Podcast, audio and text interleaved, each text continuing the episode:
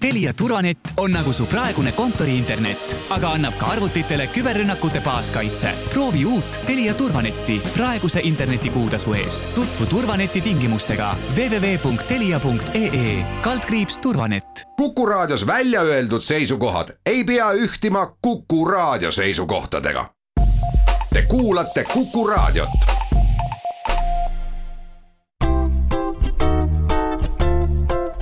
patsiendiminutid. patsiendiminutid toob teieni Eesti Patsientide Liit. tere, head Kuku kuulajad! mina olen Kadri Tammepuu ja täna me räägime alaseljavalust. hiljuti nimelt leppisid arstid kokku, kuidas perearst läheneb seljavalule, kui alaseljavaluga patsient tuleb, mida perearst uurib, milliseid haigusi ta välistab, kuidas ta seda teeb ja millal tuleks ka teiste kolleegidega ehk siis eriarstidega konsulteerida. meie tänane saatekülaline on teisel pool liinil juba ootel. tervist, Ida-Tallinna Keskhaigla taastusarst Eve Sooba! tere teilegi! Oma tutvusringkonnas ringi vaadates tundub mulle, et neid seljavalutajaid on üpriski palju, tõsi, minu tuttavad on keskeas inimesed. aga kui tihti tuleb seda alaseljavalu just ette, kui te võrdlete võib-olla oma teiste patsientidega ja kui paljud inimesed puutuvad üldse seljavaluga elu jooksul kokku? Kui rääkida nüüd seljavalust, siis seda on enamus meist Äh, elu jooksul kogenud või kogeb, ütleb äh, statistika, et see on ikka väga tuttav teema paljudele. mis on aga murekoht selle juures, on see, et äh, tugiliikumiselundkonna haigused, kas siis tööga seoses või, või muudel põhjustel, ei ole siit Äh, arstide ravimaalt kadunud ja osa seljahaigeid äh, jäävad nagu haigeks pikemalt, seljavalutajad, ja jäävad krooniliselt haigeks ja ütleme, et alaseljavalu on üks ka äh, kahjuks ja võib-olla mitte alati ka õigustatult üks puude ja töövõime kaotuse põhjuseks no miks te ütlete, et ei ole alati õigustatult võib-olla erivajaduse põhjuseks või puude põhjuseks, mis seal valu juures teistmoodi peaks olema? alaseljavalu, see on siis äh, mitut komponenti endas sisaldav, et üks on siis see, et see valu on nagu alaseljas, füüsiliselt äh, tekib ta mingil põhjusel, ja teine komponent on siis see, et see on see valu ja äh, mõnikord on see valu nii tugev, ja muutub krooniliseks, aga ta ei põhjusta alati sellist puuet, et inimene on nagu karkudel või inimene on nagu ratastoolis, aga ometi ta on nii haige sellest valust, mis siis äh, krooniliseks muutudes äh, kolib ümber ka, ka mujale peale selja, kahjustab nagu närvisüsteemi, et närvisüsteem talitleb nagu aju talitleb nagu teistmoodi, et äh, aju on tundlikum valule ja inimene tunneb seda valu teistmoodi ja hakkab teistmoodi käituma. ma nimetaksin seda, et ta jääb valurattasse kinni teistpidi on inimlikult ju aru saada, et valu hirmutab ja siis äh, tahaks vaikselt paigal olla, kui selg valutab. samas äh, olen kuulnud, et igasuguse valu vähendamine vajaks hoopis liigutamist. miks see valu siis äh, niimoodi tugevamaks muutub, kui subjektiivselt inimene tunneb, et, et järjest kõvemini valutab? Jah, me inimestena oleme erinevad ja me reageerime ümbrusele, teistele inimestele ja oma kehas toimuvale ka erinevalt. ka sünnitusvalule naised reageerivad erinevalt ja sama on selle seljavaluga teine koht selle valu juures on see, et tegelikult see seljavalu, ta võibki olla väga tugev alguses. minu kogemus on äh, nii noorte kui vanemate inimestega, kuna ma olen taastusarst, siis vanemad inimesed äh, kannatavad neid valusid rahulikumalt nad ei reageeri nii ägedalt, ta ei nõua endale, et nüüd kohe ja praegu ja tehke mind umbes viie päevaga korda ja kuidas see siis nüüd nii ei ole, et on kolm-neli päeva mööda läinud ja polegi terve nooremad inimesed võib-olla tõlgendavad ka seda veidi tugevamalt, see ei ole ju normaalne, kui mulle tuleb mingi tõsine valu. tegelikult ega kuskil pole seda kirjas, et pole normaalne, et meil kuskil midagi natuke või palju rohkem valutab, mm. seda ei ole kirjas, et me ei või elus valu tunda, hammas ju ka vahel valutab patsient tõepoolest, kui ta näeb, et valu ei lähe piisavalt kiiresti ära, võib-olla tal ei ole kogemust, siis ta arvab, et üks arst kes andis talle nõu midagi teha või mitte teha, võib-olla ei ole tasemel ja läheb siis teise arsti juurde, noh, ütleme närviarst ja kirurg ja ortopeed ja võib-olla ka neeruarst, kes kõik veel, kui tihti te sellega kokku puutute, et inimene käib ühe arsti juurest teise juurde ja käib ainult sellepärast, et see seljavalu hoo raugemine võtab oma aja? jah, seal see iva ongi, et eneseabivõtted või äkki on kodus mõni valuvaigisti, mida on võetud, kui see ei aita, siis esimene tee peaks olema ikka perearsti juurde. teiseks, et valu ei pea mööduma kolme-nelja päevaga, vaid ta võib äh, võtta kindlasti aega, seljavalu äh, kolm-neli nädalat. väga suurel osal see isegi ei jää krooniliseks, et tuleb anda aega aga see mõte selles ongi, et kui mind on juba perearst põhjalikult uurinud ja välistanud, välja lülitanud selle hindamise, vaatamisega ja sõltub siis vaevustest ka vereanalüüsid võtnud, et äh, röntgen ei olegi äh, niivõrd suureks abiks, kui me ei kahtlusta luumurdu või mingeid selliseid suuri muutusi, struktuurseid muutusi. Ja alguses pole vaja röntgenit ega radioloogilisi uuringuid teha, kui see on esmaselt tekkinud valu aga arst eh, peab hindama tema vaevusi, tema seisundit sellest aspektist, et ei ole ohtlikke haigusi, noh, me nimetame neid eh, punasteks lippudeks, mille puhul on hoopis teine taktika, et eh, kui on vaja mingit operatsiooni või kui me kahtlustame vähki või kui näiteks me kahtlustame luumurdu, lülide, selgroolülide murdu, siis on see teine taktika, siis on uuringud või operatsioon või onkoloogile suunamine, aga muidu pärast seda hindamist ei ole mingit mõtet saata neuroloogile, sellepärast et valu on äge, isegi füsioterapeudile selles esmases faasis ei ole vaja saata, et tuleb vaikselt hakata selle valuga nagu noh, nii-öelda sõprust sobitama, seda valu vaikselt eh, maha kustutama, see mittespetsiifiline seljavalu, kus ei ole jala halvatust, eh, põiesoole häireid, eh, ei ole kukkumisest, ei ole luu hõrenemise riski või selliseid haigusi, mis võiksid põhjustada luu purenemist, ei ole infektsiooniriski, et äh, on teatud äh, langenud immuunsusega inimesed, kellel võib olla, et, et ülisambas on hoopiski nakkuslik bakteriaalne põletik, äh, ei ole reumaatilist haigust, ei ole kasvajakahtlust nende sümptomite põhjal, see neuroloog nagu ka ei aita, et tuleb anda aega, vajadusel võtta ravimeid, tõusta ja minna liikuma ja siis, äh, kui see valu on pikaajalisem, vot siis on juba, et kas küsimus on näiteks füsioterapeudile suunamises no tihti äh, ikkagi usutakse operatsiooni, kuidas siis aru saab üks perearst, et operatsiooni tõesti vaja ei ole? jah, võib-olla osa seltskonnast, ma mõtlen äkki nooremad mehed, tehke nüüd korda nüüd ja kohe, võib-olla mõtlevad, et noh, kui see asi lõigatakse sealt välja, siis asi laheneb rutem. isegi selle radikulaarse sündroomiga, kui ta kiirgub mööda jalga alla, siiski näiteks lülidevaheline kõhr on välja sopistunud või sealt on äh, rebenenud. kui jalg ei ole nõrk, siis äh, tihtipeale kaasajal äh, lülisambakirurgid ja neurokirurgid, nad opereerida ei taha, sellepärast et uuritud on maailmas palju seda, et opereerimata ja opereeritud haiged aasta pärast on samasugused, ühel tasemel oma selle funktsiooni ja füüsilise seisundi poolest. pigem minu kogemus on selline, et noh, tehke mulle palun röntgen, tehke mulle palun kõik uuringud ja siis ma küsin, et noh, et aga et me räägime praegu nüüd operatsioonist, et kas te soovite operatsiooni ja kui patsient ütleb ei, ei, ei, ei, noh, et ma ikka tahaks ennem proovida nagu niisama paraneda, siis ma selle operatsiooniga ei kiirusta, see tähendab ka selle uuringuga ei kiirusta, sellepärast minu ravi sellest ei muutu. minu rohud ei muutu ja minu füsioteraapiale suunamine ei muutu. hästi, läheme siit korraks väikesele pausile ja mõne minuti pärast juba jätkame patsiendiminutid. patsiendiminutid toob teieni Eesti Patsientide Liit stuudios on taastusarst Eve Sooba ja Kadri Tammepuu. me räägime täna alaseljavalust. aga räägime natukene siis nendest rohtudest, sellepärast et kõige lihtsam võimalus ikkagi, kui kusagilt valutab, on haarata valuvaigistite järele. milliseid siis võtta ja, ja kui kaua võtta ja kuidas võtta? valuvaigistitega on nüüd selline lugu, et äh, kui me üldiselt äh, soovitame paratsetamooli liigesvalude ja, ja lihasvalude esmase noh, ravimina, niisuguse turvalise, ohutu ravimina, sobib äh, lastele ja sobib vanematele inimestele,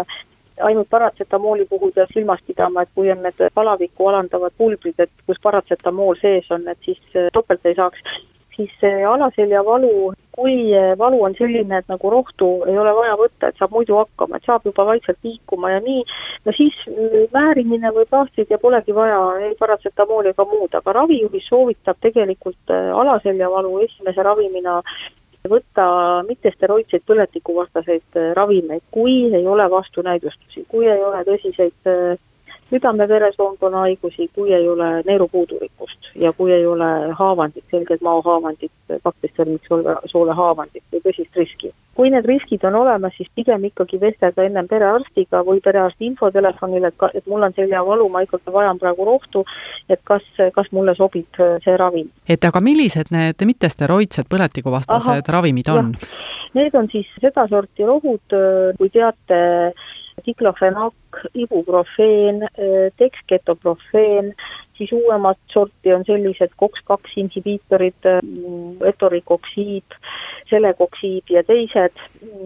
see osa nendest on käsimüügis ja osa nendest on siis retseptidega äh, ravimid Nende sobimatus on siis, kui on olnud hiljuti mao- ja seedetrakti verejooks või on haavantõbi või kui neerupuudulikkus ja nad võivad tõsta vererõhku, et selles mõttes südame-veresoonkonna haigetele ka, et peaks arst nagu jälgima seda ravi. ja see annus peab olema piisav ja teine asi, et milles vea noh, inimesed teevad valuravimite võtmisel, on see, et ma võtan rohu ära, ohoo, mul on parem, et ma nüüd enam rohtu ei võta. Ja siis, äh, kui peaks võtma kolm korda päevas, siis noh, kuskil kaheksa tunni pärast, kümne tunni pärast tuleb valu tagasi, siis kui ta on kaks korda niimoodi proovinud üks kord päevas võtta, aga peaks võtma kolm korda näiteks, siis äh, muidugi ta ütleb, et see rohi ei aita. noh, võtsin ühe tableti, pidi ju valu ära minema nagu me ennem rääkisime, et ikkagi kaks-kolm nädalat võib see seljavalu nagu vaeva teha, võib-olla kaks-kolm nädalat polegi vaja seda rohtu võtta, aga esimene nädal, kümme päeva võib-olla on vaja, võib-olla on vaja isegi, et perearst seal kirjutab midagi, kombineerib neid rohtusid veel millegiga, et, et tõsisema valu korral ka kontrolli alla saada valu. Ilmselt mõnikord läheb vaja ka siiski valuraviarsti, et millal siis otsustatakse, et nendest tavalistest raviskeemidest ei aita? Kui nüüd on selline olukord, et valu siiski ei vaibu ja perearst on üks-kaks esimest sammu teinud või mis on kõige tüüpilisem, tavaliselt perearst ja ka taastusarst, me saame nende esimeste valutajatega nagu noh, üsna hästi hakkama, et see ei ole suur osa, kes vajavad valuarsti. aga et noh, üks osa äh, patsientidest äh, ta on saanud juba ütleme üks-kaks preparaati ja see ei ole ikkagi piisav, noh siis on õige saata valuarstile. ja keskmise või tugevama valu korral ka minu hinnangul, kui see on krooniline valu, siis kroonilise valuga patsiendid võiksid käia vähemalt üks-kaks korda konsultatsioonil valuarsti juures mõned inimesed peavad ju ka tähtsaks äh, massaaži. kui palju on kasu sellistest teiste inimeste sekkumisest, olgu siis need soojendused, massaaž, igasugused muud äh, protseduurid, võrdluseks võtame millegi isetegemine, kas lihastreening või võimlemine või liikumine? valuravi on siis selleks, et inimene saaks äh, liikuma ja see teine nii-öelda tablett või ütleks nii isegi, et see on esimene tablett ja valuravi on teine tablett, püüa saada liikuma nii, nii ruttu kui saad, et ühesõnaga ära tõmba krampi, ära jää voodisse, lihased lähevad sellest krampi tõmbamisest või sundasenditest või kaitseasenditest veelgi rohkem krampi ja tule voodist välja ja püüa nagu niisugust tavalist liikumist alguses teha. kui me räägime praegu siis nendest toetavatest protseduuridest, siis noh, mina olen taastusarst. ma ei saa öelda, massaažil pole oma tunnet lihaste lõõgastamisel. aga kui inimene ei saa õpetust, kui ta on ise passiivne, siis kui tal on pikemat aega see valu ja see ei lähe ära, siis me ikkagi soovitame suunamist füsioterapeudi juurde, mida saab teha perearst, või siis kui see on lahendamata valu, siis taastusarstile suunamist, et teha siis kompleksset taastusravi. Nende passiivsete protseduuridega on see, et kui ta sealt füsioterapeudiga neid harjutusi mida talle on vaja, et seljavalu kas täiesti või peaaegu täiesti läheks ära, kui ta neid ei saa ja kui ta neid tegema ei hakka, pluss sellist üldist äh, aeroobset treeningut, pluss äh, kogu keha lihastreeningut, siis edaspidi, kui keha juba kannatab rohkem välja, siis äh, ta jääbki ennast masseerima ja see on nagu ütleme, ühes anekdoodis oli, et isa ravis patsiente ja tal olid kogu aeg samad patsiendid aastakümneid ja tuli poeg ja ravis patsiendid terveks ja siis küsis isa, et kus mu patsiendid on. Et see on samamoodi, et äh, näiteks soojaravi on äh, Soome ravijuhendis täiesti sees, soovitav, et ta, ta lõõgastab lihaseid. dušš lõõgastab lihaseid, kui juba on äh, natukene valu vaibunud, siis need soojaprotseduurid ja võib-olla lihaste pehmendamine, ega see pole paha, aga see on, see on passiivne ja see ei tee inimest terveks, see on ajutine. Ka manuaalteraapia osades juhendites on soovitatud ainult koos füsioteraapiaga no kui me mõtleme nüüd veel koroonaviiruse epideemia peale, siis on ju teada, et praegune aeg soodustab nii kaugtööd kui distantsõpet ja osade inimeste jaoks jääb ära päevas selline kohustuslik liikumine tööle või kooli. kogu aeg ollaksegi kodus. selge see, et suurem võimalus tekib, et selg jääb haigeks. mida inimene kodus ära teha võiks, et see nii ei lähe? praegu on nüüd imeaeg, et ma ei saa nii palju seda hinnata võib-olla, aga mina märkasin kevadel ja mõtlesin sellele, hõõrusin vaikselt käsi, et nägin paare selliseid inimesi kõndimas tänaval, kes nagu jätsid mulje, et nad pole varem üldse kõndimist teinud, neil olid isegi sellised riided, et nad nagu polnud kunagi harrastanud kõndi. ühesõnaga, perekonnad kõndisid ja et mina mõtlesin, no nii, et nüüd see pikk koroona, et see teeb nüüd selle, et harjutab inimesed liikuma ära ma väga loodan, et need, kes selle harjumuse said või üllatusega seda kogesid, et need nüüd liikuma ka jäävad. äkki see olukord ikkagi ei ole nii hull, noh, Eesti tingimustes pole seda keegi uurinud, et kui palju nüüd inimesed liikuma rohkem hakanud. aga tõsi ta on, kui mul on see väiksem kodu, kui mul on need piiratud tingimused, võib-olla mul on ka ebamugavam töölaud, ja kehaasend on siis nagu vale või kui tööl oli veel kuidagi, et ma pidin mingeid pabereid kuskile ära viima või mingisuguseid asju tooma, et ma käisin iga tund kuskil, tõusin püsti, käisin ära või mul oli harjumus selline, et ma tegin, siis kodus äkki mul on kodutööd ka seal veel kuklas, et ma äh, teen niimoodi hommikust õhtuni järjest, et mul ei tule nagu meeldegi neid puhkepause pidada, et sellest seljahügieenist või eeltingimus on see, et ma ikkagi kohtlen oma keha nagu hästi. Ja ei unusta seda, et, et ma pean seljale ja, ja kõikidele teistele kehaosadele andma puhkust, aga andma ka tööd ja seljatöö ei ole lumerookimine, lumerookimine on seljatöö siis, kui selg on tugev, piisavalt tugev, et mind rookida. nii et äh, ma arvan, et äh, kodus töötajad võiksid endale väiksed märgid või meelespead tekitada et ma liigun, et iga tund ma tõusen püsti ja natukene, kas või natukene teen tantsivaid liigutusi, sirutavaid liigutusi või lausa harjutusi seljale ja kõhule ja noh, niisuguseid kompleksharjutusi. muide, see ravijuhendi patsiendi infovoldik, seal on ka väikseid harjutusvihjeid erineval tasandil, et mida teha siis, kui on tugev seljavalu, kuidas võtta, mis asendeid ja puhata vahepeal nendes asendites, et valu ära läheks. ja siis natuke tugevamaid harjutusi ja siis juba palju tugevamaid harjutusi, nii et igalühel oma tase. Selge, no siis tasub kindlasti sinna ravijuhendi kodulehele minna ja selle voldikuga tutvuda. Ja ka kahjuks praeguseks on täna meie saateaeg otsas, ma väga tänan doktor Eve Sooba, Ida-Tallinna Keskhaigla taastusarst, et täna saates osalesite ja täname ka kõiki kuulajaid. ma soovin kõikidele kuulajatele visadust olla aktiivsed ja liikuda vaatamata sellele, et on pime leidke see aeg, kas siis minna kuskile, kus palju inimesi ei ole, aga valgem on, või siis tänaval, täna vähem, homme rohkem, aga siiski jääda liikuma ja olla aktiivsem, sellepärast liikumine tagab selle parema tervise. jah, aitäh! Küsimusi küsis Kadri Tammepuu, kuulmiseni taas järgmisel nädalal ja seniks olgem terved! patsiendiminutid. patsiendiminutid toob teieni Eesti Patsientide Liit